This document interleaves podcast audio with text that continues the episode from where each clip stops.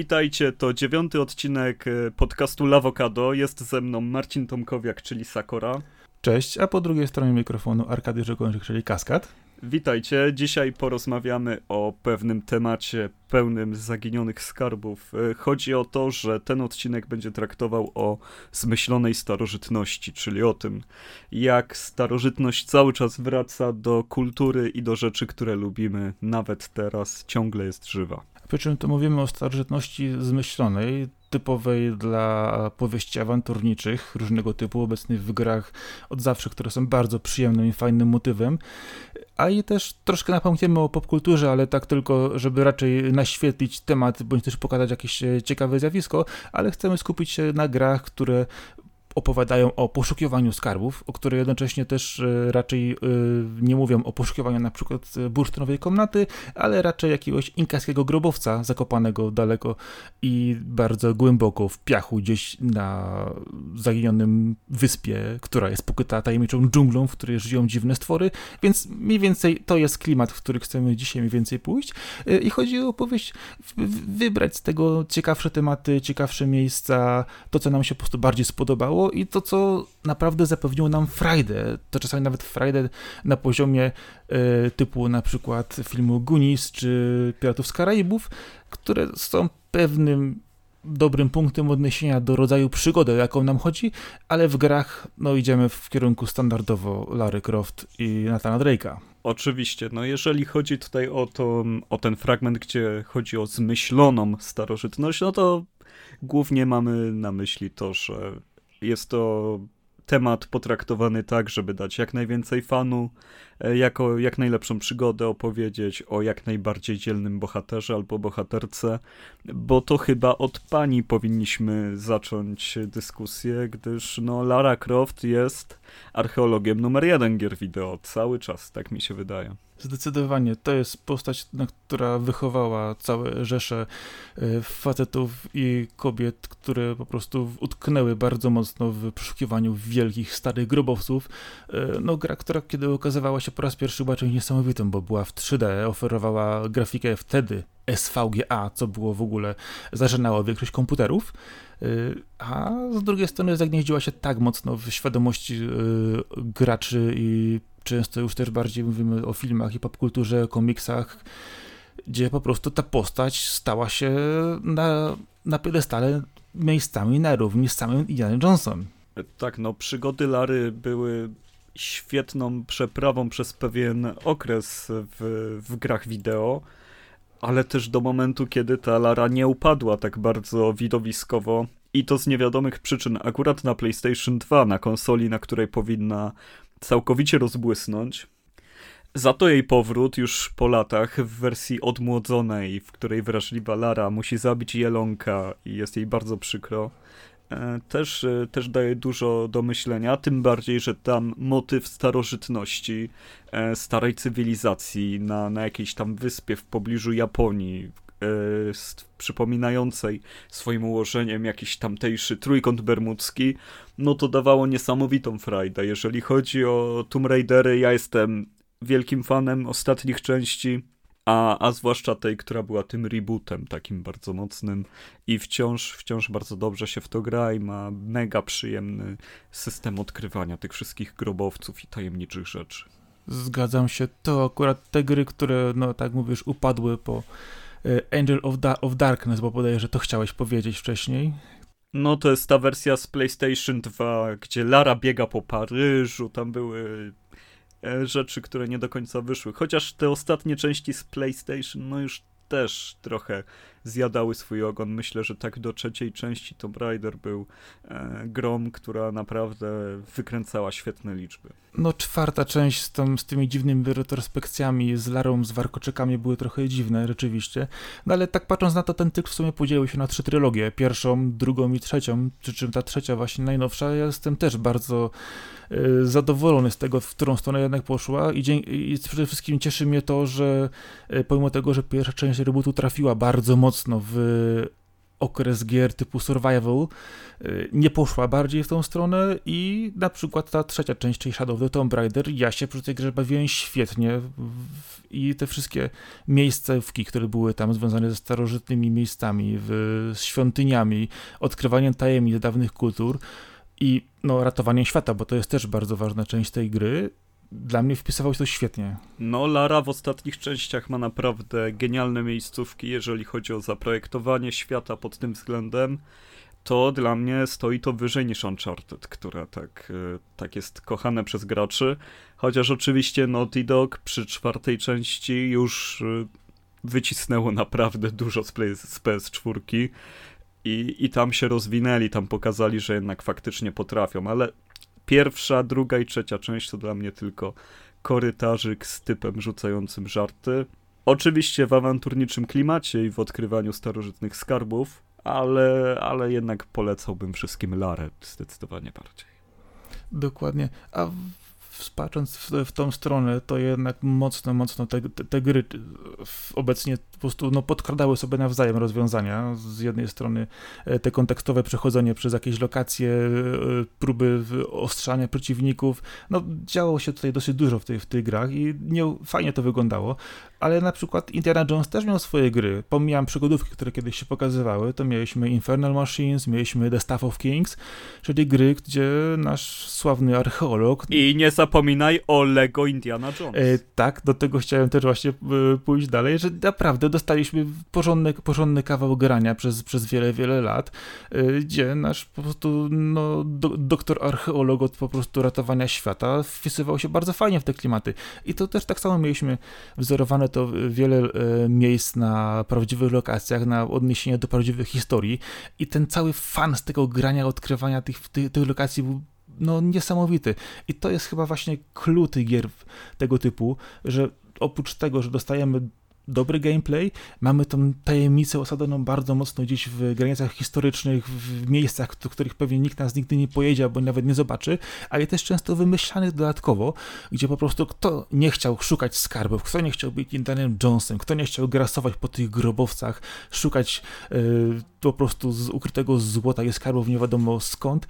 I no kurczę blade, no to się po prostu sprzedaje samo w sobie. Świetną sprawą jest to, jak bardzo tutaj się splątały inspiracje najpierw w grach filmem, a potem w filmach grami. Przecież tutaj e, sukces właśnie Tomb Raidera strasznie mocno się odbił na świecie. Potem powstała, nie wiem, Mumia, dużo później, co prawda, no ale Skarb Narodów, między to wszystko wchodził Uncharted potem. E, mi się wydaje, że akurat w tym gatunku kino i gry prowadzą bardzo fajny wyścig taki między sobą. Dokładnie. A wiesz co, patrząc na to, to tego typu filmy dosyć pojawiały się często. Miałeś wyprawę do wnętrza ziemi według Werna, miałeś w latach 80 na przykład Miłość Szmerak, Krokodyl, yy, fajną rzeczą była na przykład Zbroja Boga, czyli Operacja Kondor i później też Chiński Zodiak, czyli filmy przygodowe rodem z Hongkongu z Jackiem Chanem, który po prostu grasował po, e, w pierwszej części w dawnej Jugosławii, w drugiej części w Afryce szukając akurat skarbów po hitlerowskich, ale w trzeciej po prostu latał po całym świecie szukając artefaktów e, zrabowanych z Chin. I to naprawdę cały czas działa. Mieliśmy też przykładowo e, sporo innych seriali czy filmów, które bardzo eksploatowały ten temat w różnych różnym zakresie, czy to mniej lub bardziej paranormalnym, bądź też typowo historycznym, ale to jest coś, co jest obecne cały czas i pomimo tego, że wydaje się, że dobrze się to sprzedaje, jest to wszechobecne, fajnie, fajnie to wygląda też w książkach, to wysokobudżetowej rozrywki tego typu nie jest dużo. Mówisz teraz czy ogólnie? Ogólnie, ogólnie, bo na przykład było sporo produkcji w, w kina klasy B, typu, nie wiem, Jack Hunter i Skarb Ugaritu, e, kilka wariacji na temat kopalni Króla Salomona, e, seriali, może, nie wiem, oczywiście Archiwum Mix, ale to jest bardzo pojemny temat, do którego wpadały różne inne rzeczy.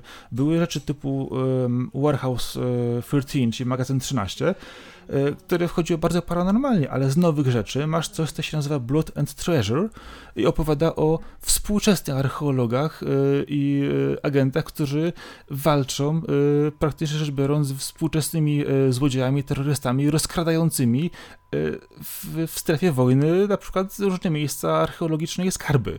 Więc temat cały czas się przewija, ale brakuje mi cały czas y, takiego mocniejszego zawiązania, bo tak naprawdę krążymy cały czas wokoło kilku postaci. Mamy Dana Jonesa, mamy Lara Croft, mamy Nathana Drake'a. Y, y, patrząc dalej, no dużo takich bohaterów pojawia się w książkach, które notabene nie zostały e, na przykład zekranizowane zbyt dobrze. Na przykład patrząc na Kalewa Kesslera, który zmarł dosłownie na dniach, szkoda bardzo, stworzył postać Dirka Pita e, i on na przykład bronił się bardzo mocno, żeby ani nie pojawiały się gry z tą postacią, ani filmy, bo uważał, że po prostu będzie to źle przedstawione. I rzeczywiście, nakręcony w latach 80. podnik Titanica był straszny, e, a Sahara, która miała po prostu przywrócić chwałę temu bohaterowi na wielkim ekranie okazała się być e, pociętym, no, gniotem i dziwnie to wyglądało.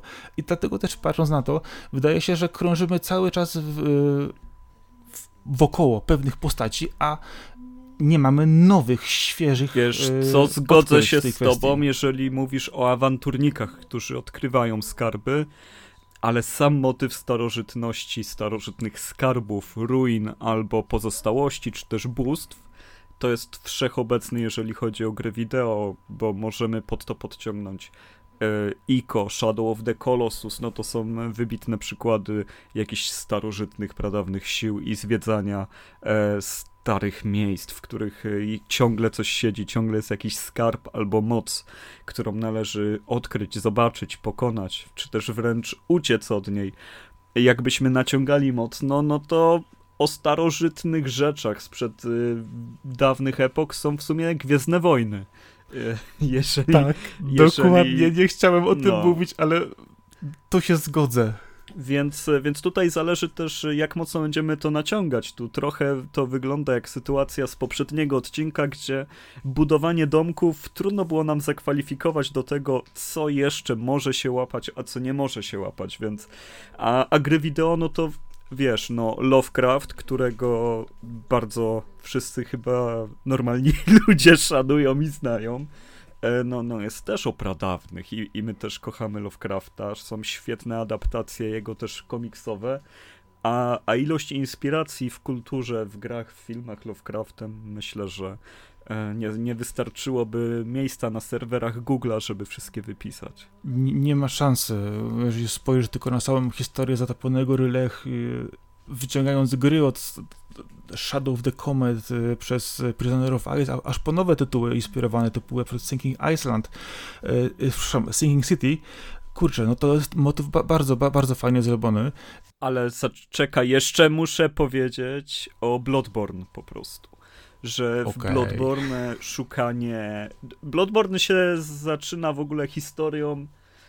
No dobra, nie zaczyna się, bo tam żadna historia nie jest wprost powiedziana, ale dookoła Bloodborne jest historia o znalezieniu właśnie e, no, no jakiejś wielkiej tajemnicy, którą należy rozwikłać, że, że tam przyszła zaraza, że jest pradawna krew, e, oczy w głowach ludzi, kosmos, wszystko, wszystko naraz. To jest jedno wielkie Cthulhu i jest genialnie zrobione też na tym motywie starożytności. E, często na tym w ogóle seria Souls e, bazuje, ale myślę, że właśnie w Bloodborne jest to najbardziej spięte z tym, co się tam działo w pradawnych czasach. E, więc no, naprawdę mamy bardzo szerokie spektrum do omówienia. Więc może coś lżejszego zarzucimy teraz. Tak, to jeżeli chcesz duże cyklopowe e, starożytne cywilizacje, no to Rime. No na przykład.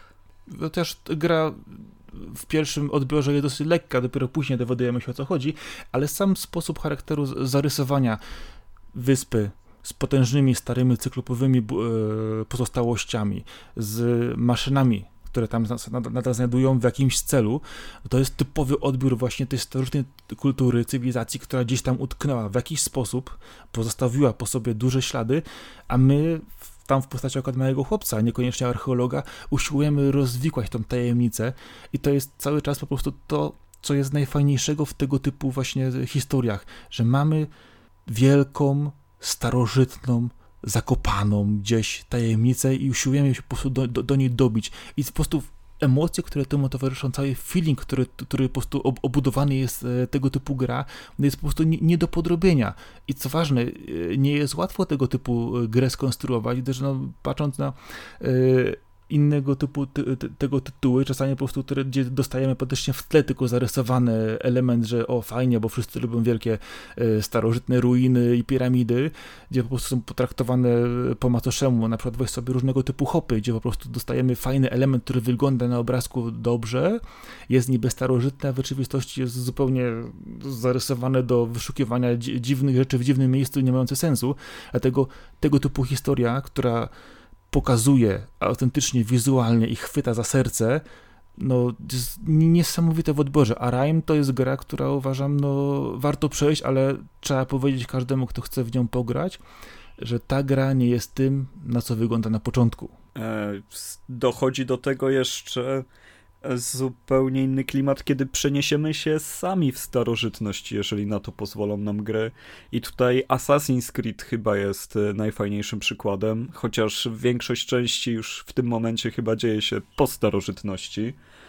Ale jednak e, ta cała zabawa w, w Origins na przykład czy też właśnie w Odyssey, w, no, no, no to, to, to są świetne rzeczy. To, to naprawdę Zgodzę robi się. świetne wrażenie, jeżeli chodzi o przygotowanie od strony historycznej i budowy świata. E, wiadomo, że gameplay jest tam taki, żeby no, no siłowo rozwiążesz każdy problem, E, i też idąc na pałę przed siebie, ale, ale Assassin's Creed jest grą, która pozwala po prostu przenieść się w ten świat e, z, z momentów, kiedy się oglądało jakieś stare filmy, nie wiem, Kleopatry jak oglądałeś, która była tam no. z lat 60. czy tam 70. się napatrzyło na te filmy, które po prawie 4 godziny trwają. Ja uwielbiam długie filmy e, i, i dlatego też e, tak bardzo lubię pewnie gry, no, no bo one nam dają takie przeżycie filmowe, ale w znacznie rozciągniętej wersji. I obcowanie ze światami stworzonymi w Origins i Odyssey jest świetne, chociaż oczywiście no, nie jest idealne, ale pod względem kreacji świata wątpię, żeby ktokolwiek, kto uwielbia e, starożytne cywilizacje mógł odpuścić te gry, tym bardziej, że jest Atlantyda w dodatkach do Odyssey, więc e, no, no na co czekasz? Zgodzę się, zgodzę się, chociaż e, od samego początku seria Assassin's Creed działa na to, powiedzmy kilku, kilku poziomach, gdyż mamy element współczesny, jaki, jakikolwiek by on nie był, w pierwszych częściach i mamy tą tak zwaną całą pamięć genetyczną Animusa, który wyciąga niejako bohatera z naszego świata do swojego przyszłości i tutaj właśnie jest to rozdarcie, bo z jednej strony mamy współczesność, mamy okres, w którym rozgrywa się gra powiedzmy od średniowiecza po y, renesans aż, aż, aż do współczesności prawie, Yy, no, współczesności w sensie XIX, przełomu XIX-XX wieku, a z drugiej strony mamy to, czego tak naprawdę szukamy w tej grze, czyli autentycznie przedwieczną cywilizację, która była przed ludzkością, która znik zniknęła w, z no, tych, a nie innych dokładnie. powodów i całość tego właśnie poszukiwania artefaktów, co, bo artefakty są też bardzo ważnym elementem tego, tego typu gier i tego typu historii. Szukamy czegoś, co niekoniecznie jest fizycznym wymiarem e, złota, skarbu, dziedzictwa typowo materialnego, ale czegoś, co zupełnie e, idzie w inną stronę, coś, co mogłoby, nie wiem, odrodzić ludzkość, zmienić sposób postrzegania. I artefakty są niesamowicie wciągającym elementem w tych historiach, a to, że my niejako przeszukujemy przy pomocy naszej postaci e, jego przeszłość, szukając informacji, gdzie jeszcze wcześniej zostało coś ukryte w jakiś sposób, tam moment, motyw zarysowany starożytnych cywilizacji yy, no, wchodzi już momentami aż w prawie w element cywilizacji kosmicznych, gdzie, które teoretycznie były gdzieś kiedyś przed nami, a pozostawiły po sobie mnóstwo różnych yy, pozostałości i to właśnie też jest pewien rozdźwięk w historiach, bo z jednej strony myślimy o starożytnych cywilizacjach zwykle powiedzmy w perspektywie naszej Ziemi, tak? Mamy pozostawione yy, przykładowo starożytny Sumer, Chiny, czy oczywiście na przykład moja ulubiona Ameryka Południowa i Środkowa, ale z drugiej strony mamy też motywy, które możemy pójść zupełnie inną stronę, patrząc na to, y, ile razy grając w gry science fiction lądowaliśmy na jakiejś planecie, gdzie znajdowaliśmy ruiny obcej cywilizacji, to zupełnie zmienia sposób podejścia i perspektywę gry,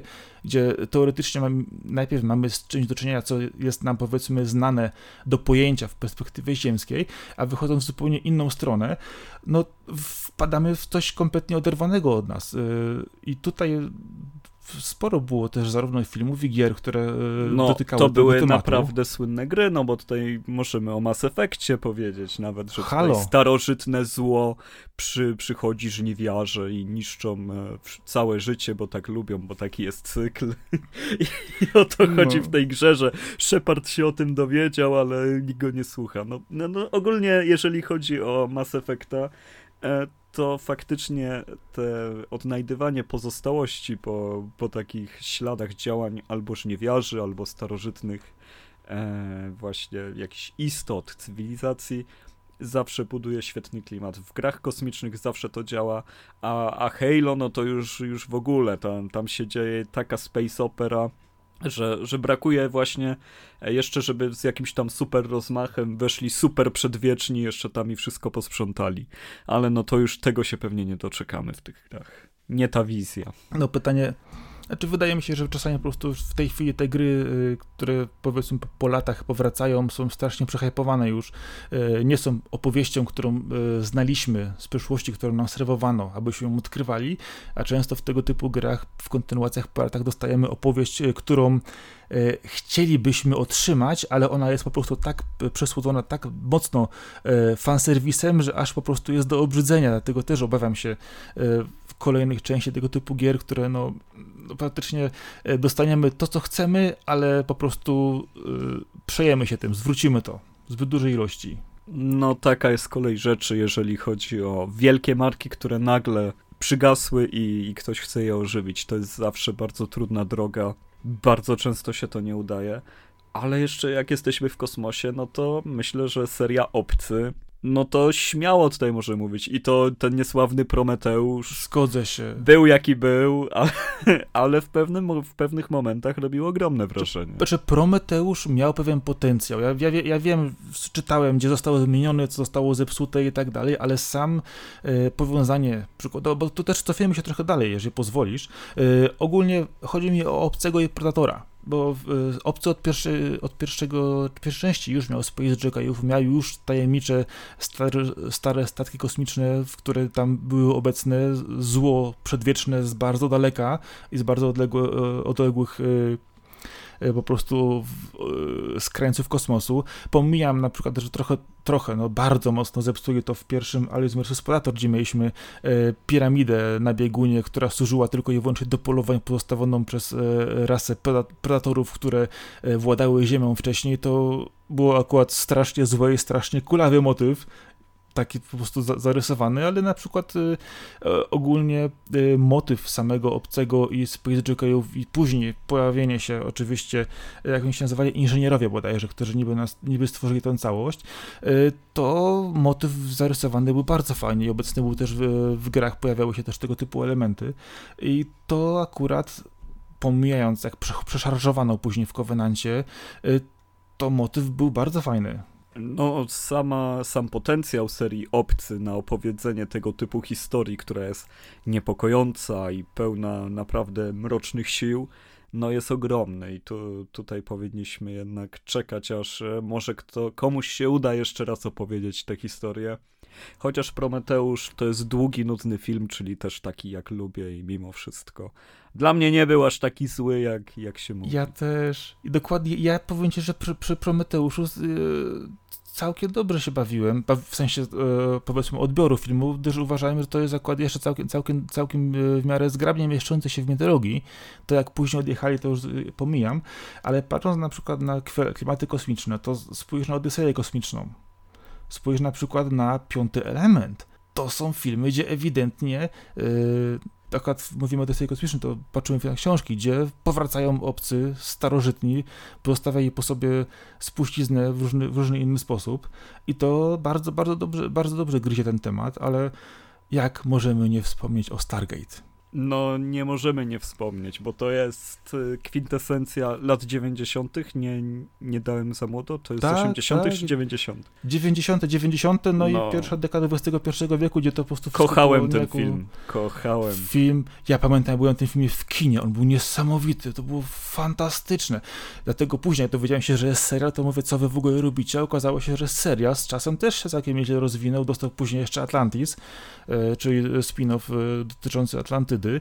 Notabene to jest serial, który został zakończony paroma filmami, co się rzadko zdarza teraz i no, często y, różne serie po prostu giną w dziwnym momencie lub zawieszone, natomiast tu mieliśmy w miarę zakończoną całą historię, która po prostu łączyła mitologię chyba z całego świata, starożytne kultury praktycznie zewsząd, do, łączyła no, wszystkie takie elementy, które wydawałoby się, że, że możemy, tam, możemy znaleźć w tego typu historiach, do, dorzucała do tego niesamowite technologie kosmiczne, przerysowanych bohaterów czasami aż do granic, ale to miało cały czas ten fajne uczucie obcowania z tym starożytnym czymś, które jest wielką tajemnicą i teraz wreszcie się dowiemy, o co w tym wszystkim chodzi. Stargate było bardzo fajną pulpą, e, świetnie zrobiony pod względem takiego bezwstydnego brania wszystkiego, co jest cool i wszystkich teorii i mieszania tego i doprowadzania do jakichś zwrotów akcji.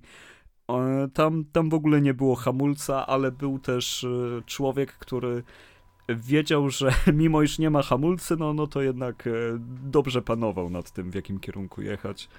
Bardzo, bardzo świetna seria, jeżeli chodzi o, o te klimaty. Aż szkoda, że też jakiejś gry się nie doczekało sensownej i podobnie gry sensownej, z czego już zupełnie nie rozumiem, nie doczekał się Hellboy. I to jest już strata zbyt duża. No, ja, ja do dzisiaj po prostu uwielbiam motywy Hellboya e, komiksowe, gdzie wchodzą gdzieś głęboko pod ziemię i na przykład okazuje się, że znajdują e, starą po niemiecką łódź podwodną. Oni też tu dopłynęli, tak, oni są wszędzie z okresu II wojny światowej. Znaczy Hellboy miał straszną kiedyś jedną grę, która była na PC. E, miał też e, ta, która wyszła na PS3, to się nazywało... E, kurczę blady, jakie to miało podtytuł? Bo wyszła też gra na PS3. No jakaby nie była, nie jest warta polecenia. Nie, znaczy nie, nie była znowu zła, ale to pomimo tego, że wyglądała całkiem ok, fajnie było sobie pobiegać tym, to jednak no, wszyscy, którzy znali Hellboya e, od strony komiksowej, oczekiwali czegoś bardziej wyrafinowanego momentami, a tam dostały się po trzaskaninę e, fajnych obrazków, które pasowały do, do kadrów, a nijak nie pasowały do opowiadanej historii. I tutaj jest kurczę trochę szkoda, bo z drugiej strony mieliśmy filmy z, e, wcześniejsze Del Toro i z Permanem, które bardzo fajnie wyszły, natomiast ostatni Hellboy, no który już nie wyszedł. Rebootem po prostu był tak żenującym filmem, po prostu, którym ja się męczyłem oglądając. Stwierdziłem, chcę obejrzeć do końca, pokażcie mi, co zrobiliście, ale to jest jeden z tych filmów, gdzie żałuję, że go obejrzałem. Ale no też jakie to jest fantastyczne połączenie naziści i starożytne cywilizacje, no to, to się nigdy nie to. Jest, nie, to jest po prostu motyw, który, no znowu wracamy, znowu Indiana Jones, tak? E, Dokładnie. Spójrz na, spójrz na, na, na e, e, Lara Croft po, po rebucie Tomb Raider pierwszym, gdzie miałeś pozostałości po akurat bazie, bazach japońskich, gdzie też po prostu korzystali z tej spuścizny tego, no element w ogóle połączenia wydaje mi się czasu II wojny światowej i starożytności w różnych motywach, które pojawiają się tutaj, no to jest potencjał niesamowity. Z jednej strony czujemy na pewne frapujące takie dziwne emocje, że kurczę, druga wojna była straszna, ale z drugiej historii, którą można opowiedzieć przy niej, jeżeli już pomijając zaakceptujemy, czym ona była, no są czasami niesamowicie fantastyczne. No tym bardziej, że to ma pokrycie w historii, bo no co by nie mówić, Hitler miał Jobla na tym punkcie, tak, żeby przy okazji działań wojennych e, badać też ezoteryczną stronę naszego świata i, i no szedł w tę stronę, to, to się bardzo fajnie pokrywa i, i te rzeczy, które oni czy też nakradli, złupili, czy też odkryli, kto wie tak naprawdę do dzisiaj. To jest ten fajny taki element e, suspensu, który ciągle się nadaje do, do filmu, do książki, do gry, do komiksu, do wszystkiego. A fajnym motywem właśnie, sprzedam ci, wiem, że czytadła dla ciebie nie są, nie są jakoś tak, wiesz, ulubioną książką, ale jeżeli kojarzysz lub nie cykl Sigma Force Jamesa Rollinsa, E, notabene James Rollins jest z pochodzenia Polakiem, nie wszyscy na to zwracają uwagę. E, normalnie e, James Rollins nazywa się James Paul Czajkowski, tak tylko ciekawostka. A ostatnia książka jego wydana w Polsce dzieje się też w Polsce, w Gdańsku i w Wieliczce. Taki ciekawy gniew, to te motywy są tam bardzo fajnie zarysowane, obecne, mocne. Zawsze masz zagrożenia z przyszłości, cywilizację, bądź też na przykład wirus albo coś, co się pojawia w różny sposób. Osadzone jest to w różnych okresach historycznych, y, ale fajnym motywem jest to, że y, on bardzo mocno czerpie ze współczesności, bo opowiada o historii w cudzysłowie zbrojnego oddziału DARPy amerykańskiej, czyli Agencji Rozwoju, dotyczącej napadu niesamowitych wynalazków i historie, które tam opowiada, są osadzone też bardzo fajnie w przyszłości i motywy E, określmy to ogólnie, e, nazistowsko hitlerowskie związane z II wojną światową i wynalazkami i spuścizną tego w połączeniu z cywilizacjami. Są to jedne z lepszych książek tego typu w ogóle, jakie uważam istnieją, bo jest po prostu to totalna jazda bez trzymanki, która notabene jest wymyślona, ale ma fajne, mocne osadzenie w rzeczywistości, czyli nie odjeżdżamy aż tak mocno, czujemy, że jest to gdzieś obok nas, i wydaje nam się, kurczę, to jest to, co czasami zauważasz kątem oka, że coś tam jeszcze gdzieś jest i to po prostu, wiesz, wchodzić w takim, wiesz, fajnym wydaniu. To, tego typu opowieści w książkach, no, tak mówiłeś, sprzedają się świetnie. Ale to teraz y, mówiłeś o serii książek, czy o jednej książce? Y, to jest seria książek. Y, w tej chwili w Polsce okazał się jakiś czas temu 13 tom, wierzę w Stanach wyszedł 14. To jest cała seria połączona bohaterami, wydarzeniami, mówię tą całą jednostką właśnie specjalną. I powiem ci, że nie ukrywam, że w kategoriach Guilty Pleasure po prostu to jest u mnie po prostu pierwsza trójka. Jasne. Jeżeli chodzi o ponowne przeniesienie się do starożytności, do tamtych czasów, no to jest też pewien bohater, który myślę, że na każdym robi wrażenie. Jego i kreacja, i, i to, jak jest świetnie dopracowany. Chodzi mi o przygody Gala Asterixa, który jest, no... tak od kiedy go pierwszy raz zobaczyłem jako dziecko, do dzisiaj nie mogę się znudzić Asterixem. Te komiksy są tak plastyczne, tak ładnie narysowane, historie są tak, e, tak kompletne, tak pięknie się zgrywają ze stereotypami o Brytyjczykach, Francuzach, Rzymianach. No, wszystko to, co, co tam się dzieje, o Germanach, o piratach, no, no jest tyle motywów, running joke'ów. E, jest e, tak świetnie pokazana walka z tym cesarstwem rzymskim, że no, w lekkiej formie starożytności chyba nikt nie podaje tak dobrze, jak właśnie e, pan gościnny Uberzo, czy też Uterzo, nie wiem, czy teraz liter nie pomyliłem, ale w każdym razie Asterix jest no genialną postacią popkulturową która też się przebiła do filmów. Myślę, że w Polsce ta słynna misja Kleopatra jest za, za swój dubbing cały czas kochana. Tak, tam były dobre gagi. To naprawdę były takie gagi, które do dzisiaj słyszysz czasami na ulicy. Ludzie między sobą po prostu mówią i czasami nawet nie wiedzą skąd je wzięli. I, i tak samo jest, jest, z grami. Gier o Asterixie jest bardzo dużo. No, czy są lepsze, czy gorsze. Teraz jest ten remake XXL3, wcześniej było XXL2, które było ok całkiem fajną grą z PS2. Dokładnie. I aż trudno się nadziwić, że no nie wiem, no francuska licencja, francuski gigant Ubisoft nie mogą się dogadać, zrobić czegoś fajnego za pieniądze, nie wiem, z Ministerstwa Francji Kultury, czy cokolwiek, że, żeby razem robić, promować yy, tą postać. Myślę, że problemem tutaj może być to, że licencję trzyma Microids, a Microids ostatnio niestety robi, ro, robi gry trochę po łebkach i, i podejrzewam, że tak długo jak oni trzymają, to i nie wypuszczą. I tu może być problemem, wiesz, ale pytanie też, jak bardzo się sami Francuzi identyfikują z postacią Gala Asterixa. Nie wiem jak bardzo, no, no nie mam jak tego zbadać, ale myślę, że dla osób na całym świecie zawsze, zawsze kiedy byłem e, młodszy i, na, i, nawet teraz, to jak mówię, jak przełączam programy w telewizji i, i trafię na Asterixa w jakiejkolwiek formie, to czuję jakbym wygrał los na loterii, że, że mogę na pewno dobrze spędzić czas. Nie, to jest bardzo, bardzo wdzięczna postać, ale patrząc z tej strony, od, od komiksów jeszcze i od strony francuskiej, to Tintin.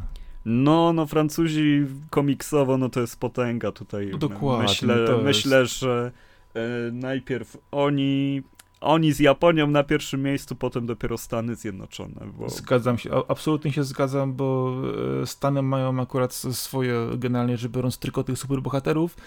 E, Japonia po prostu ma swoje odchyły w każdą stronę, które, gdzie każdy znajdzie swój odchył, natomiast komiks europejski, no to jest bardzo, bardzo podatny, podatny po prostu grunt, gdzie masz mnóstwo fantastycznych historii, patrząc na przykład z starożytności i cywilizacji, to weź sobie na przykład cykl Rorka który świetnie, świetnie wchodzi trochę psychodelicznie w to, ale z drugiej strony e, masz też e, Parowskiego e, i Polcha, którzy stworzyli cykl o Ice i o starożytnych kosmitach, którzy przylecieli, wzorując się na Denikenie oczywiście, na naszą Ziemię, gdzie po prostu komiksy są po prostu przesycone tym, w jaki sposób mogli oni wpływać na rozwój naszej planety. Jasne, uwielbiam te rzeczy. Na, naprawdę, jeżeli chodzi o komiks, to każdemu polecam szukanie w tych europejskich. No i oczywiście Japonia wygrywa masą, no bo oni produkują tego naprawdę. Tyle, że oni muszą mieć procentowo więcej rzeczy dobrych, czy też w tej masie zrobić więcej rzeczy dobrych, ale Francuzi, no, no to jest kraj, w którym cały czas się szanuje tę sztukę i od bardzo dawna jest na bardzo wysokim poziomie, wyznaczającym trendy. A Tintin, czy też Tintin, Tintin, mm. no też miał gierkę ostatnio całkiem nie, nie, nie platformówkę. Świetna była ta z PlayStation 3 i Xboxa 360. Jedna z fajniejszych gier tamtej generacji według mnie. I jedna z najbardziej przegapionych, no bo jednak to było chyba podczepione pod film, a te gry się źle kojarzyły wtedy. Dokładnie. Ale Tintin jest postacią bardzo awanturniczą, takim właśnie no takim Indiana Jonesem przed Indiana Jonesem trochę, no tylko w wersji Taki chłopięcej, chłopięcej wersji, no. E, świetna postać, która na pewno jest idealna właśnie, żeby y, dzieci mogły obcować i poznawać obce cywilizacje, poznawać y, awanturniczy klimat, a także obcować ze sztuką, ze, z rysunkiem, ze scenariuszami, no wybitna rzecz według mnie. To, to, się, to, to, to trudno się po prostu nie zgodzić, no ten cykl po prostu jest, jest potężny, a patrząc ogólnie na e, to, co może jeszcze trafi do odbiorcy, to wróćmy do gier na przykład, bo zostało mi jeszcze parę rzeczy takich, które się zastanawiają się, gdzie w ogóle obsadzić to. Bo e, jeżeli spojrzysz, mówiłeś wcześniej o Rime, ale mówiliśmy o Aiko, Shadow of the Colossus, yy, ale w takim razie co zrobimy z Journey? Journey jest totalnie nieokreślone, totalnie, totalnie ezoteryczne, więc możemy zrobić wszystko, no, gdzie chcesz no, przyporządkować. Ale miałeś też podobne tytuły typu Abzu, typu AR, które też miały pozostałości wielkich, starych rzeczy. Ale Journey jest tylko jedno i, tak, i mogło się zdarzyć tylko raz. Mogło się zdarzyć tylko raz i, i, już, no naśladowcy zostaną naśladowcami. No, powiem ci, że gdzieś ostatnio trafiłem nawet e, e, na gierkach mobilnych e, podróbę Journey, autentycznie. Po prostu spojrzałem, pierwszy rzut oka, o Boże, e, po czym e, wróciłem, e, po prostu tapnąłem dalej stronę, bo nie chciałem na to patrzeć. No teraz twórca Journey wypuścił grę chyba tylko na sprzęty Apple'a. E, bardzo w tym stylu. No ale to już tyle lat po tym, tak przemielony pomysł, tak omówiony, że no nie wiem, świetnie było być graczem w momencie premiery tej gry i jej, jej wtedy doświadczyć, no to było coś wyjątkowego na pewno. No i potem tak miała swój restart na PC, na PC w zeszłym roku, gdzie oczywiście e, bez żadnego zmieniania czy napędzania hypu, nie wiadomo czego, po prostu kto ją jeszcze nagrał, a słyszał, mógł ją spokojnie zagrać i rzeczywiście doświadczyć je tak samo. Ale patrząc na przykład na, na, na tego typu gry, no to podróbki tego, tego, takich tytułów pojawiają się jednak cały czas, ale trudno, trudno mówić o, to, o doznaniach porównywalnych do, do tego tytułu. Ale na przykład y, spójrz na zupełnie inny tyt, inną rzecz. Enslaved, gdzie notabene y, starożytną cywilizacją, którą doświadczamy w tamtej grze, jest nasza współczesność. Czyli tak samo jak w Horizonie od Guerrilla Games. No, tylko że Horizon akurat też trochę inaczej. Y, Horizon jednak jeszcze, wydaje mi się, tam pamiętają skąd się wywodzą, natomiast wydaje mi się, że w Enslaved jest już to tak odległy moment, że oni już nie pamiętają skąd to było. Znaczy, na, na pewno Enslaved cenię wyżej i jest to dla mnie zdecydowanie lepsza gra, ale ja ją docenię ze względu na, na to, jaką budowała opowieść między Monkey i Trish, tak? Dobrze mówię? Ta dziewczyna miała na imię? Teraz nie pamiętam. No, no między dwo, dwójką bohaterów, no, no to świetna była ta, ta ich relacja, która jest oparta na tym, że Monkey jest, no, niewolnikiem niestety przez, przez cały ten czas i ochroniarzem. Tak, ale to jest też y, opowieść, która wywodzi się z jak to było, podróże na wschód.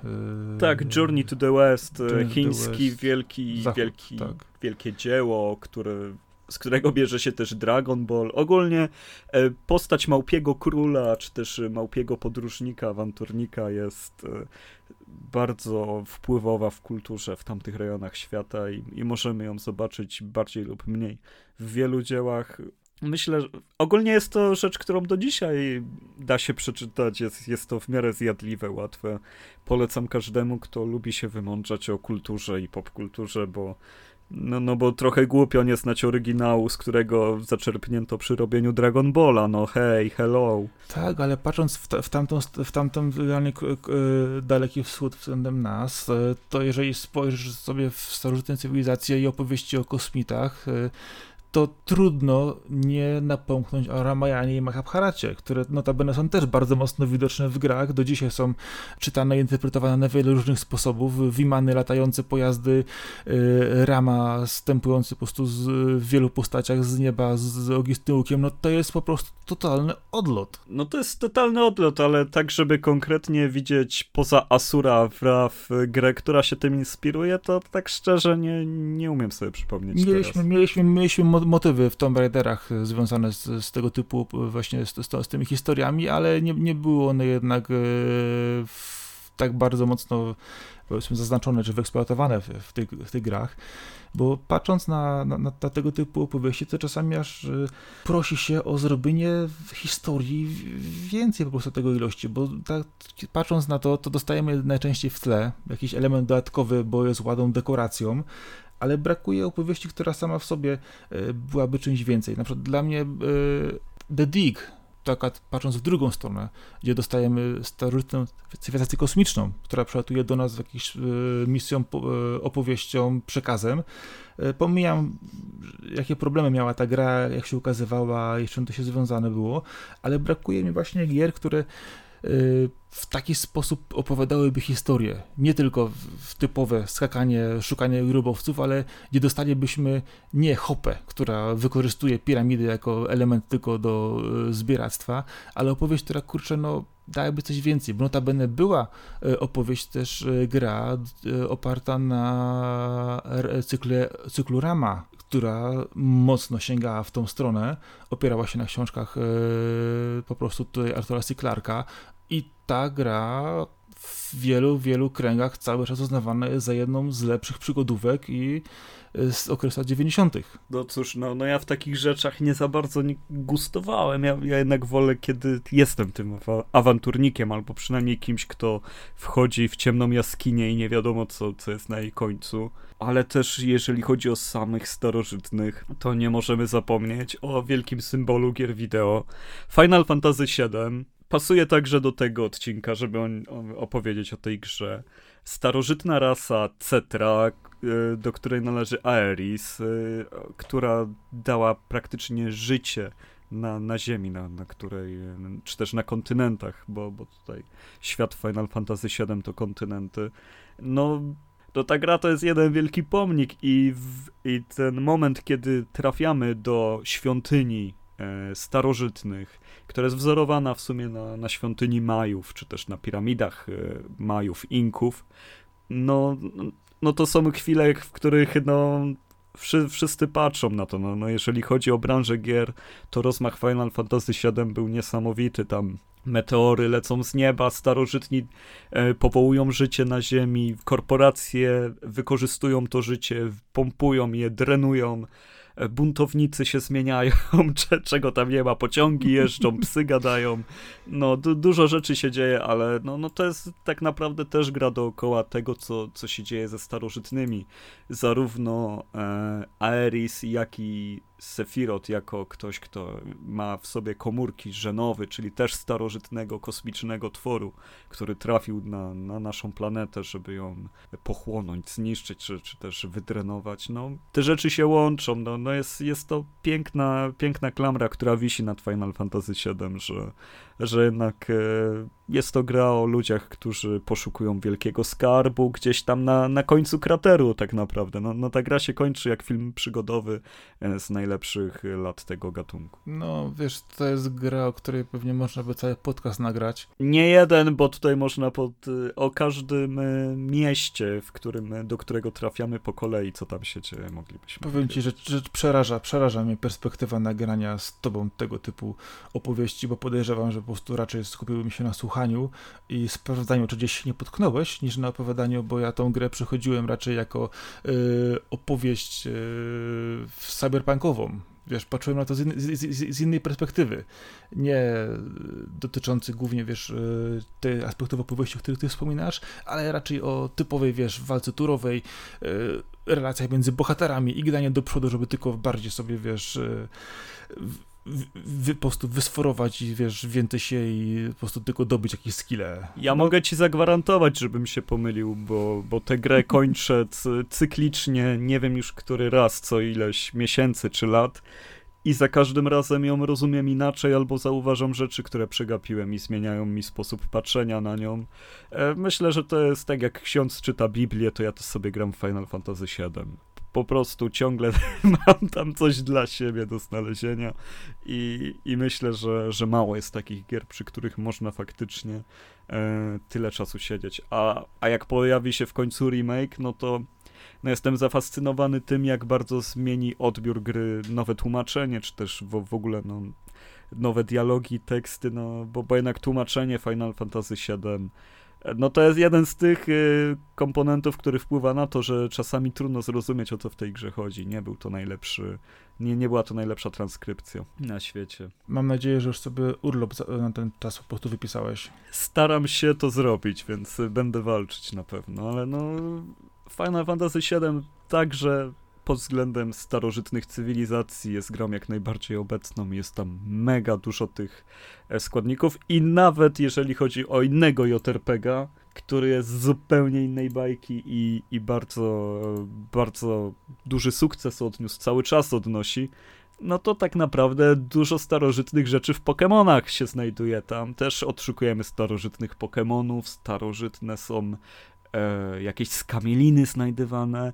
Oczywiście jest to gdzieś tam w tle na ósmym planie, ale osoby, które chcą e, się wkręcić w lore i, i badają te Pokémony, są dorosłymi ludźmi, którzy wciąż przeżywają, jak im się fajnie grało na Game Boyu, kiedy siedzieli z tyłu w samochodzie, a mama ich wiozła na wakacje do Ustki.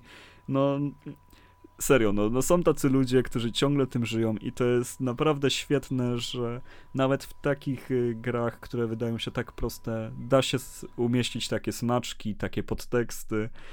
No i niestety zwykle to, to są gry właśnie japońskie, które są dla wielu osób u nas trudne do przyswojenia, bo te europejskie, zachodnie one raczej nie, nie zostawiają mnie do powiedzeń w takich tematach. One zwykle zawsze w przeciągu całej gry jesteś w stanie dowiedzieć się wszystkiego, co twórcy chcieli ci powiedzieć.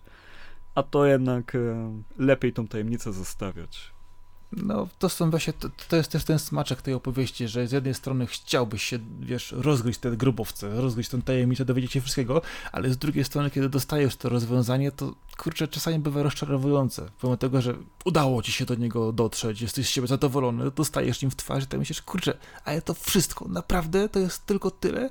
No i pytanie potem, czy kończymy opowieść cliffhangerem, czy na przykład będziemy rozwijać to, czy robić czasami jakieś rzeczy totalnie niedorzeczne. I tutaj właśnie w, w, w te, opowiedzenie tego typu historii, często awanturniczej, ale właśnie z tą starożytną cywilizacją, która gdzieś tam po prostu jest zakopana, nie jest łatwe, a, a wbicie tego na daleki plan, pytanie, gdzie jest, gdzie jest waga tej gry, bo na przykład e, była tytuł akurat europejski tutaj w tym momencie, e, to bodajże było Cocktail Vision w latach 90. stworzył e, dwie części gry, która nazywa się Inka gdzie notabene graliśmy, w, się w postacie z między innymi Wira Kocze jego syna Imperium Gaskiego, dostawaliśmy statek kosmiczny w formie Tumi i po prostu walczyliśmy z konfiska konfiskadorami po prostu przy pomocy działek laserowych. I to był totalny odlot. No tak przynajmniej to brzmi, bo, bo nie grałem w ten tytuł, ale no zdecydowanie brzmi to jak coś ciekawego. I właśnie tego właśnie mieszania gatunkami albo odwracania ról też jest mało. Zwykle są to, e, jeżeli już mówimy o awanturniczych grach, no to one często lecą po, po jakimś tam schemacie. Deadfall Adventures, polska gra na przykład, no, no wyszła na poprzedniej generacji. Bardzo fajny klon Indiana Jonesa, ale też tak bardzo pospolity pod względem pomysłu. Już tam nie będę się czepiał gameplayu, no bo to nie była jakaś produkcja AAA, ale też sama historia jakby nie opowiedziała nic więcej. Fajnie było w to zagrać, bo mało było przygód e, takich typowo, że, że jesteś jakimś urabura archeologo, poszukiwaczem skarbów i tylko chodzi ci o skarb na poprzedniej generacji ale no można było coś więcej z tego wyciągnąć. Mm, zdecydowanie, chociaż nie ukrywam, że przyjemnie grało mi się wtedy, tu fajnie było te miejsca pozwiedzać. Ja to, że pamiętam, byli tam też naziści chyba. To jest ten tak, motyw, tak, który, to tak, było dokładnie. bardzo, bardzo duży klon Indiany. No ale wróćmy do Uncharted, no bo tak ominęliśmy to Uncharted, a ono jest tak kochane, no, no powiedz mi, Sakora, co ci nie pasuje w Uncharted? Powiedz to. Mi? Co mi nie pasuje? No? Nie, nie ma kolejnej części. Serio? Chciałbyś piątkę? Może niekoniecznie z Drake'em, ale potencjał w tej historii, w, te, w, te, w, te, w tym cyklu jest. Wydaje mi się. Wiesz co, po, pomijam bycie masowym zabójcą i te kontrowersje związane z ilością padających trupów i zwłok, to jednak e, ta awanturnicza opowieść, e, pomijając momentami korytarzowość, to ona się broni, broni sama w sobie. No z jednej strony masz, e, ma- masz Drake'a, masz ruiny, masz e, w, pierwsz, w części cyklu też element paranormalny, który był zaskoczeniem bardzo dużo. No, no, pomijam co i jak, nie chcę ludziom tu zabawiać, bo zaraz dostaniemy po głowie, że komuś coś powiedzieliśmy. To jednak e, opowieść bardzo mocno jest osadzona właśnie w tego typu filmach. To jest autentycznie, to jest Indiana Jones nowej generacji, to jest, są do, do, dobre, do, dobre smaczki właśnie Sky'a Kesslera. To jest opowieść, no, awanturnicza pełną gębą, która wizualnie i gameplayowo bardzo dobrze się wpisuje i to jest, tam w tym jest to, co ja lubię. Jest totalny fan i są ruiny. Jeżeli chodzi o ruiny, to się zgadzam. Wykonanie środowiska zawsze było świetne w Uncharted, tylko cała ta otoczka i reszta dookoła bardzo, bardzo często mnie zawodziła. Poza czwartą częścią, w której faktycznie wykonany został spory postęp którym, i, i trudno było nie być pod wrażeniem tej gry.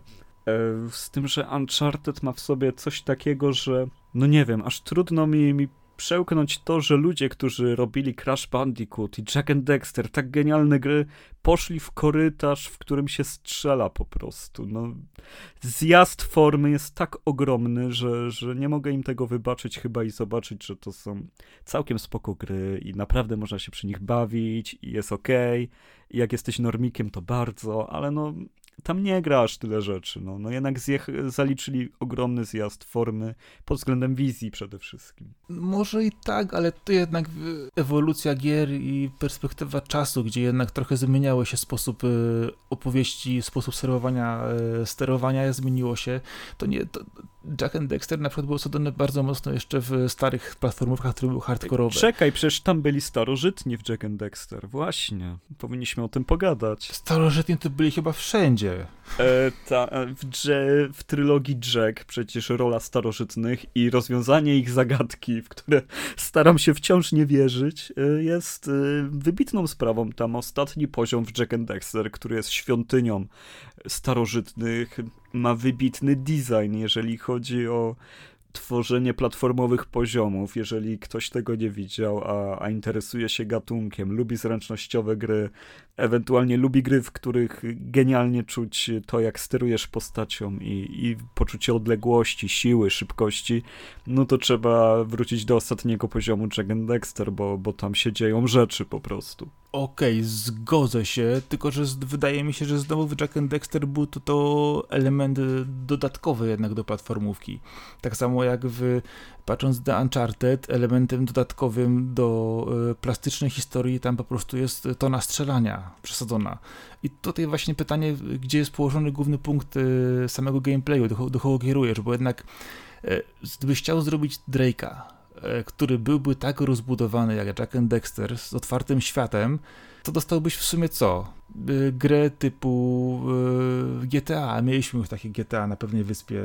Nie no, wiesz co, po prostu chodzi mi o to, że w tym gatunku co bym chciał dostać, to tak naprawdę dostałem w Tomb Raiderze. Tu się I tyle. No, no tam, tam była świetna budowa świata, gry, tego jak się to robi. No. Myślę, że po prostu Crystal Dynamics y, przebiło Naughty Dog pod względem tego gatunku i, i pokazało, jak to robić. Wiadomo, że nie stworzyli tak fajnej postaci, która tak sobie śmiesznie dogaduje. Nie o to im chodziło. No i też to jest trochę ich porażka, że, że ta Lara nie ma takiego enturażu dookoła siebie i, i też nie ma tak pobudzającej historii, tylko wciąż się mierzymy z tym, że ona jest córką arystokratów, którzy nie żyją i teraz rusza, żeby znaleźć skarb.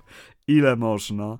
Powinno to być zmienione, ale poza tym, że ona już jest nieciekawą postacią i dookoła niej nie ma ciekawych postaci, no to sama gra jest no 100 razy lepsza. Ale wiesz co, patrząc na, na, na to, co dostaliśmy w poprzedniej trylogii, yy, patrząc y, na to, to elementy z, związane z, Larą, z gdzie mieliśmy Anniversary i mieliśmy Legend, tam akurat motyw Lary uważam był całkiem fajnie rozwinięty, gdzie rzeczywiście musiała się zmierzyć z swoją przyszłością, dostała swoje lustrzane odbicie z, yy, z złą Larę i ta, ta opowieść akurat całkiem uważam była fajnie opowiedziana, natomiast to co wróciliśmy w nowej trylogii to też nie był reset, gdzie znowu yy, yy, córka musi udowodnić swoje racje i znowu znaleźć swoje dziedzictwo. E, to z drugiej strony no, popatrzmy na takie coś, że no, gry jednak często mają e, fabułę pretensjonalną. No, sorry, ale tutaj nie da się tego po prostu uniknąć i pomimo tego, że chcielibyśmy otrzymać coś czasami więcej, bardziej angażującą opowieść, no to ciężko jest to wyważyć i zadowolić każdego, bo z jednej strony sobie powiesz, o kurczę, dobra, dajcie mi więcej tekstu, no to pograj typową przygodówkę, tak? A ja bym chciał więcej poskakać, postrzelać i porozwiązać zagadki środowiskowe, no to fajnie action adventure. No wiesz, to każdy z nas w jakimś sposób z malcontentem zawsze, za, zawsze wynajdzie plusy i minusy w danych grach, ale ja patrzę na to z tej strony, że chyba tutaj najważniejszym elementem po prostu jest to, że y, gameplay dobrze koresponduje sposób sterowania i odkrywania kolejnych tajemnic e, z eksploracją. I to jest chyba clue tego typu właśnie gier, że e, dobrze wyważony element z jednej strony zręcznościowy i sterowania z tajemnicą, którą odkrywamy, znaleźć ten złoty środek, to jest najważniejsze chyba. No, o złoty środek każdy walczy, no, no niestety. No. To jest najtrudniejsza rzecz. Ale też tak jak mówisz o tym, że starożytni byli tłem w Jack and Dexter, po prostu wspominałem o tym, wrócę się, wiem, że, że dosyć, dosyć się wróciłem teraz, ale to jest tak samo jak z tym znajdowaniem starożytnych śladów jakiejś cywilizacji właśnie w Mass Effectie na przykład, czy też w grach kosmicznych. To po prostu był bardzo fajny element, który coś dodał do tej gry, a w Jack and Dexter się okazało potem, że no jednak jest ważny. E, z tym, że teraz większość gier, które traktują o, o, podobnych tematach, no to raczej to jest szukanie skarbu jednak, który czeka na ciebie na samym końcu planszy, czy też ostatniej planszy. Czyli wróciliśmy do 8 bitów trochę, nie? Patrząc tak, ale wiesz co, była jedna z gier, nazywała się The Bow gdzie miałeś wielką kamienną kulę, którą musiałeś przepychać przez różne starożytne lokacje, rozwiązując e, zagadki. E, na co to wyszło i kiedy? O Jezu, wiesz co, to wyszło już na, na, wyszło chyba na wszystko, łącznie z to starem. Gdzieś, Rozumiem. wiesz co, w 2010, coś koło tego.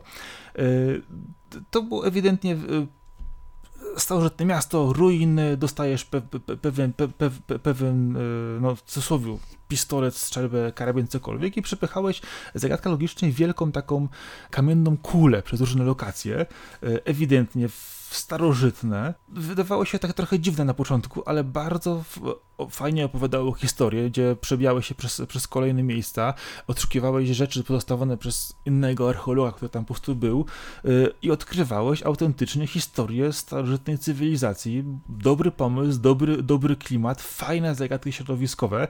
Wiadomo, to jest pewien indyk yy, co pada w trójwymiarze, zrobione całkiem ile, ile się dało najlepiej. Przyjemnie się w to grało, ale kurczę, no nie wiem, dlaczego właśnie to nie przyszło. Może dlatego, że na pierwszy rzut oka gra się wydaje udziwniona. Masz wielką kulę, ją przepychasz. No, o co chodzi? Nie no, połączenie gry logicznej w pewien sposób z, ta, z takim opowiadaniem fabuły zawsze jest fajne. No, no i tutaj jeżeli chodzi o, o dodawanie w ogóle fabuł do gier, które teoretycznie nie pasują do tego, ja zawsze jestem na tak. Bardzo lubię, kiedy zręcznościówka miesza się e, z, z jakimś tam rozbujanym scenariuszem. To, to jest bardzo fajne według mnie. No, ale powiem ci, że akurat tu, tu, tu w tej grze całkiem, całkiem fajne lokacje były i ja tę grę wspominam bardzo dobrze, pomimo tego, że czasami niektóre zagadki były ciężko hardkorowe i przepchnięcie tego wielkiego kamiennego żelastwa na drugi koniec planszy, e, gdzie notabene wysakiwało cię jeszcze paru przeciwników, e, prastare jakieś wielkie jaszczury opancerzone e, w połączeniu z wyskakującymi różnymi elementami typu kolce, skocznie i tym podobne, tak jak w starych dobrych Tomb Raiderach, no dawało czasami naprawdę porządnego kopa i lekką frustrację, ale wizualnie kurczę, to było fajne. Przebicie się samodzielnie przez parę lokacji, zwiedzenie ich, no pełną gębą po prostu, wiesz, archeologia awanturnicza. Dobra, to teraz zmierzając do końca, nie będziemy podsumowywać tego, co jest naszym ulubionym tytułem z jakiegoś gatunku, tylko może powiesz mi, co byś chciał zobaczyć w przyszłości, nie wiem, w tym roku, w przyszłym, jaki typ gry, filmu, książki, na, na co czekasz, na podjęcie jakiego tematu, czy też może na jakiś tytuł, który jest zapowiedziany, co chcesz ograć jeszcze, nie wiem. Trudno mi w tej chwili powiedzieć, bo nie widziałem zapowiedzi typowo gry tego typu, jak patrząc. I ja nie ukrywam, że ja dosyć mocno akurat sobie w, lubię pooglądać filmy tego typu, te, tego typu czy te książki, które tutaj rzeczywiście dużo, dużo y, się tutaj w tym klimacie po prostu dzieje ale żeby pójść w, w, jedną stronę, to nie, nie, nie, nie mam po prostu dużych oczekiwań, gdyż e, zauważyłem, że większość tego typu tytułów, pomijając duże, typu właśnie Uncharted czy kolejne przygody e, Larry Croft, to nie daje rady. I tutaj właśnie e, z jednej strony chciałoby się pograć coś dużego, co rzeczywiście, gdzie głównym clue tej gry jest ta wielka starożytna cywilizacja, e, a nie dostać tego na dziesiątym czy ósmym planie jako w tle taki wypełniacz dodatkowy. Ale to faktycznie masz rację. Albo Uncharted, albo Tomb Raider nam zostaje, potem długo no. nic, a po drugiej stronie jakby miary jest Assassin's Creed, który jest swoim własnym gatunkiem już pomału. I, I to są tak naprawdę takie wybory, jeżeli chodzi o tytuły z naprawdę dużym budżetem e, w tym no. klimacie. Chociaż nie ukrywam, że za, za, zawsze, zawsze zastanawiałem się, czy ktoś kiedyś sięgnie po e, książki, które opowiadają właśnie o e, tego typu różnych historiach, a nie chodzi mi tylko o jakieś wielkie nazwiska typu właśnie Clive Kassler, czy na przykład właśnie James Rollins, ale na przykład mamy sporo fajnych rzeczy z fantastyki, które wiadomo, mieliśmy niby Mass Effecta, mieliśmy y, rzeczy tego typu właśnie podobne, ale brakuje mi czegoś, co nie wiem, no, porwałoby mnie w, w tą stronę, bo y, mieliśmy na przykład y, to, co y, tytuły, które już naprawdę ja kiedyś też y, patrzyłem, zastanawiałem się, w którą stronę w ogóle one zawędrują, bo y, przeszarż, przeszarżowanie w tym temacie jest bardzo, bardzo łatwe. Wystarczy po prostu dać bohaterowi po prostu y, na końcu coś, coś zbyt dużego, co czy, czy nie udźwignie.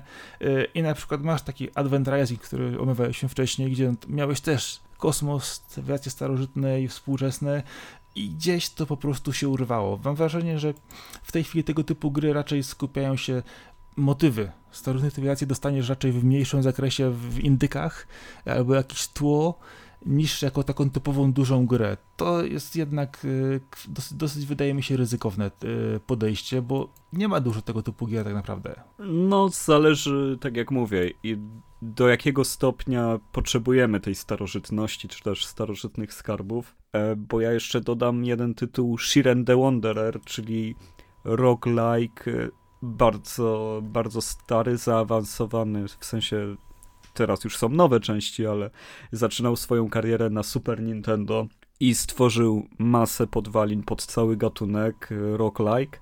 Shiren to jest postać, która też wyrusza po złoto w starożytnym, starożytny skarb, który przypomina złote miasto z Ameryki Południowej, gdzieś tam ukryte wysoko w górach. Jest to oczywiście leciutko nakreślony motyw, ale ruszamy po wielką nagrodę w wielkiej przygodzie. I byłbym naprawdę mega zaskoczony, gdyby udało się zapowiedzieć kolejną część na, na duże platformy teraz należy nam się to, należy nam się więcej Shirena w życiu, ale to jest tak totalna nisza, że e, kiedyś muszę chyba coś o tym napisać więcej. E, co by tu jeszcze dodać? No, ja ci dodam coś jeszcze. No. Tajemnicze Złote Miasta które no, no, było animacją dawno temu. To było śliczne, bardzo fajne. Piękne. I wyszła też gra e, e, parę lat temu, która powstała na kanwie już tego e, w cudzysłowie kontynuacji która była, przeniosła się z Ameryki Południowej i Środkowej do Chin po prostu.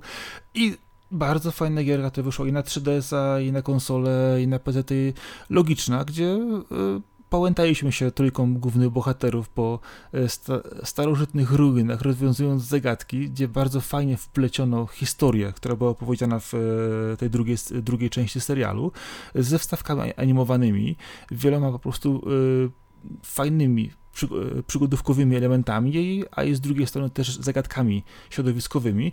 I autentycznie po prostu bardzo fajna, nieduża, no taka sensownej wielkości gra e, logiczna, autentycznie w starożytnych ruinach cywilizacji. Bardzo fajny tytuł poza tym to ja bym sobie zagrał w końcu w coś o gladiatorach, ale zrobionego z budżetem i tak jak powinno być zrobione. Tak w stylu Rome.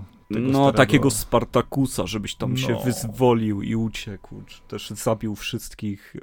Nie no, motyw gladiatorów jest y, wybitnie genialny. Il... W Assassin's Creed Origins i Odyssey spędziłem masę czasu na arenie, mimo iż w tę grę się gra pokracznie w pewnym momencie, kiedy już chcesz zrobić dużo rzeczy albo zaczynają oszukiwać, ale no serio, no to uczucie, że w końcu, w końcu masz jakąś namiastkę gry o gladiatorach, to, to naprawdę mi zaspokoiło na jakiś czas, no. ale chciałbym takiej na, na pełnej tutaj, e, na pełnym budżecie. Zresztą ogólnie starożytny Rzym to jest e, coś, co mnie bardzo fascynuje. Uwielbiam e, czytać o, o tym temacie. Zgadzam się. I, I tam, no. no to była naprawdę kolebka cywilizacji i myślę, że dużo dobrych rzeczy straciliśmy względem tamtych czasów. Znaczy się, jeżeli chodzi o myślicielstwo, beton. myślicielstwo i o to, e, jak było planowane wszystko.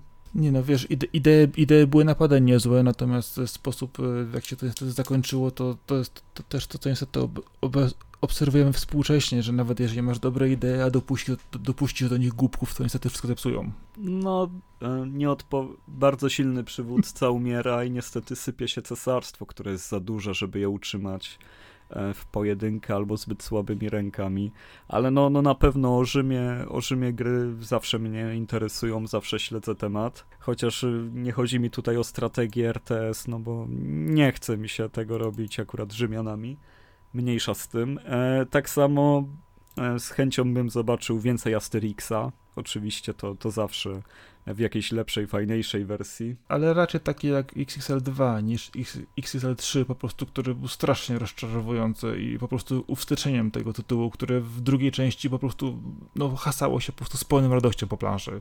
No ja bym chciał jakiegoś, że, żeby on był, nie wiem, może kompilacją komiksów, żebyś był Asterixem na Olimpiadzie, potem w Egipcie, po, potem masz levele w Brytanii, no, no, no w, ty, w tym klimacie. To by było coś świetnego. E, I co by tu jeszcze starożytnego? No już nie będę jakichś kosmosów wymyśleć, wymyśleć chciał, ale na koniec dodam jeszcze coś z Afryki. Sumerowie, Mezopotamia, te sprawy. Oj, tak. Bycie, bycie jakimś wędrowcem, czy też opieranie się jakiemuś kultowi wczesnemu patrzenie na zręby kultury naszej, wszystkich ludzi, e, cokolwiek, choćby w formie jakiejś tam krótkiej nowelki, czy też no, no gry na 10-15 godzin, e, gdzie, gdzie trafiasz ledwo żywy do, do tam na, na granicę właśnie ty, tych królestw i musisz wziąć udział w wojnie, bo tam wojna była ciągle oczywiście, jak to, jak to w naszej historii. No, no myślę, że, że to byłby świetny temat, bo, bo i bóstwa, i, i ilość ezoteryki, jaką można w to wcisnąć, jest ogromnym. Ale tak w stylu Rise Son of Rome, to takim właśnie trochę, tylko żeby to poprawili tam, co było źle, bo tam było parę jednak, jednak fajnych motywów w tym. No, myślę, że udałoby się, by się coś takiego zrobić. Ja no i tym, tym pozytywnym akcentem e, chyba zakończymy. Ewentualnie może chcesz coś dodać? Jak się czujesz? Jak, jak ci poszło dzisiaj na nagraniu, powiedz? Nie no, jestem w ogóle zachwycony, że udało nam się wreszcie nagrać. Nagrywamy w miarę regularnie. Jest to takie moje, wiesz, bardzo y, podoba mi się ten dzień, w którym nagrywamy, bo czuję się bardzo pozytywnie nastawiony do tego i czekam zawsze z utęsknieniem na kolejne nagranie i w ogóle dobrze się bawię. I fajnie mi to, no co mam ci więcej powiedzieć, no. No to, no to to chodzi teraz tylko, żeby osoby słuchające też się tak czuły. W każdym razie zapraszamy was i do jakiegoś feedbacku, że żebyście nam dali, nie wiem, czy, czy łapki w górę, czy subskrypcję, cokolwiek, co, co uważacie za stosowne. Może być komentarz na, na fejsie. Mamy grupę na Facebooku w ogóle, dołączajcie, Lavocado Friends. E, czytajcie lawokado.pl, e, śledźcie nas e, też na kolejne podcasty. Mamy teraz wątek na facebookowej grupie rozgrywki, czyli na najlepszej grupie graczy w Polsce. Przynajmniej dopóki nasza się nie rozrośnie do takich rozmiarów. Ale, Prze przejmiemy ją, przejmiemy. Ale, ale nie zapowiada się, żebyśmy w szybkim czasie mogli zaliczyć taki rozrost, ale naprawdę e, śledźcie nas. O. Każdy, każdy od czegoś zaczyna. My mamy stronę Avocado, do której podpięte mamy w tej chwili wszystko dotyczące e, i tekstów, i podcastów. Tam sobie można znaleźć i, i naszą, naszego sąd, e, nasze, nasze RSS-y, może, możecie znaleźć tam e, miejsca, gdzie się e, jesteśmy obecni, jeżeli chodzi o usługi streamingowe dotyczące słuchania podcastów i muzyki, więc tam bez problemu nas znajdziecie.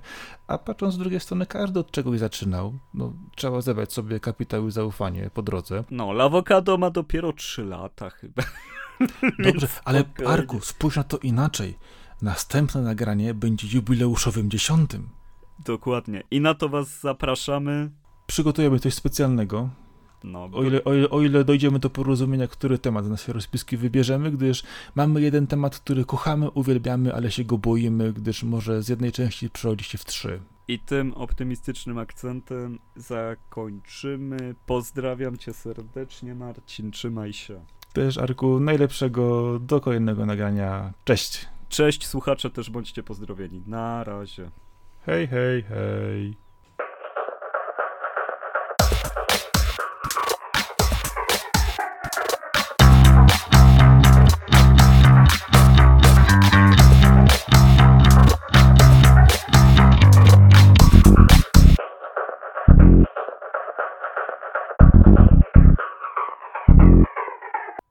Jakimś dziwnym trafem nie udało mi się nic wtrącić o Gandamach, więc teraz o Gandamach. Gandamy są fajne.